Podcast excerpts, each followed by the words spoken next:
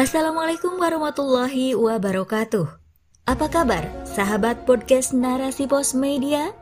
Jumpa dengan saya, Maya Rohmah, dalam rubrik opini berjudul Fenomena Urbanisasi, Masalah Klasik, Minim Solusi, oleh Diani Akorib. Liburan telah usai, kini masyarakat harus kembali menjalani rutinitas sehari-hari wilayah ibu kota dan sekitarnya pun menjadi ramai kembali, seolah bernafas lagi setelah hampir dua minggu sepi. Namun, ada satu fenomena yang selalu mengikuti pasca libur lebaran, yaitu urbanisasi. Memang, urbanisasi dapat terjadi kapan saja, namun tidak dimungkiri fenomena urbanisasi ini sering terjadi setelah libur panjang Idul Fitri. Menurut sosiolog Universitas Indonesia Ricardo, bahwa fenomena urbanisasi masih dan akan terus terjadi. Karena Jakarta adalah kota dengan perputaran uang terbesar di negeri ini.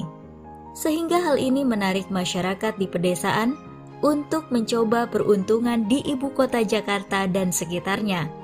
Tak ayal, jumlah orang yang masuk ke Jakarta pun lebih banyak dibandingkan jumlah pemudik yang keluar Jakarta. Sebenarnya tradisi merantau ke Jakarta bukanlah hal baru. Hal ini sudah berlangsung sangat lama.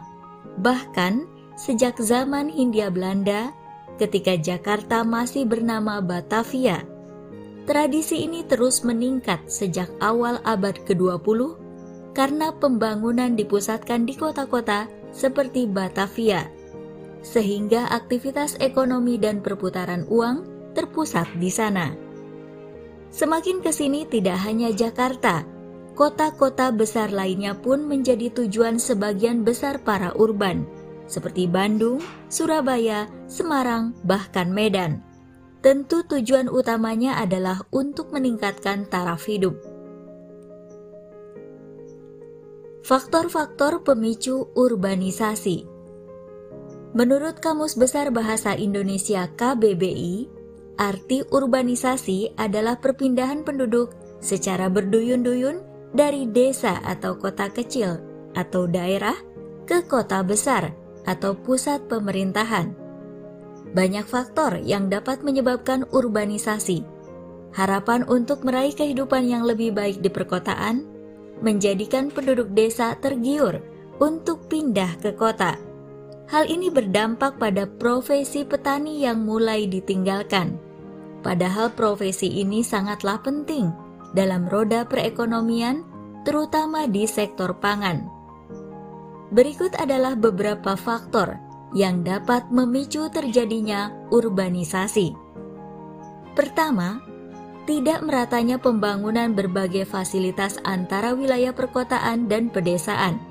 Fakta ini membuat penduduk desa menganggap akan lebih mudah mendapatkan pekerjaan dan penghasilan di perkotaan.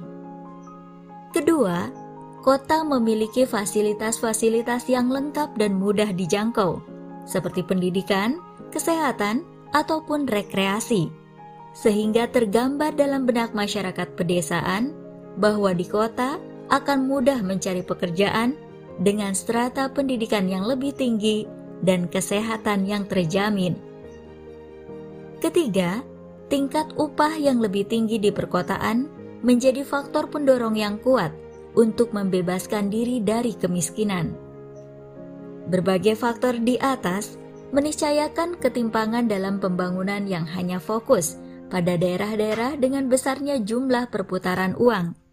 Hal ini adalah dampak dari sistem ekonomi kapitalisme, karena dalam sistem ekonomi kapitalisme, perputaran barang dan jasa hanya akan dipusatkan di wilayah-wilayah dengan jumlah perputaran uang yang besar. Akibatnya, masyarakat pedesaan akan sulit mendapatkan barang dan jasa yang dibutuhkan, termasuk pendidikan, kesehatan, bahkan untuk memenuhi kebutuhan sehari-hari. Sebagai contoh, fasilitas transportasi dan jalan raya yang masih sangat minim di pelosok-pelosok negeri. Dampaknya, barang dan jasa akan sulit dan lambat sampai di wilayah tersebut sehingga aktivitas ekonomi seakan berjalan di tempat.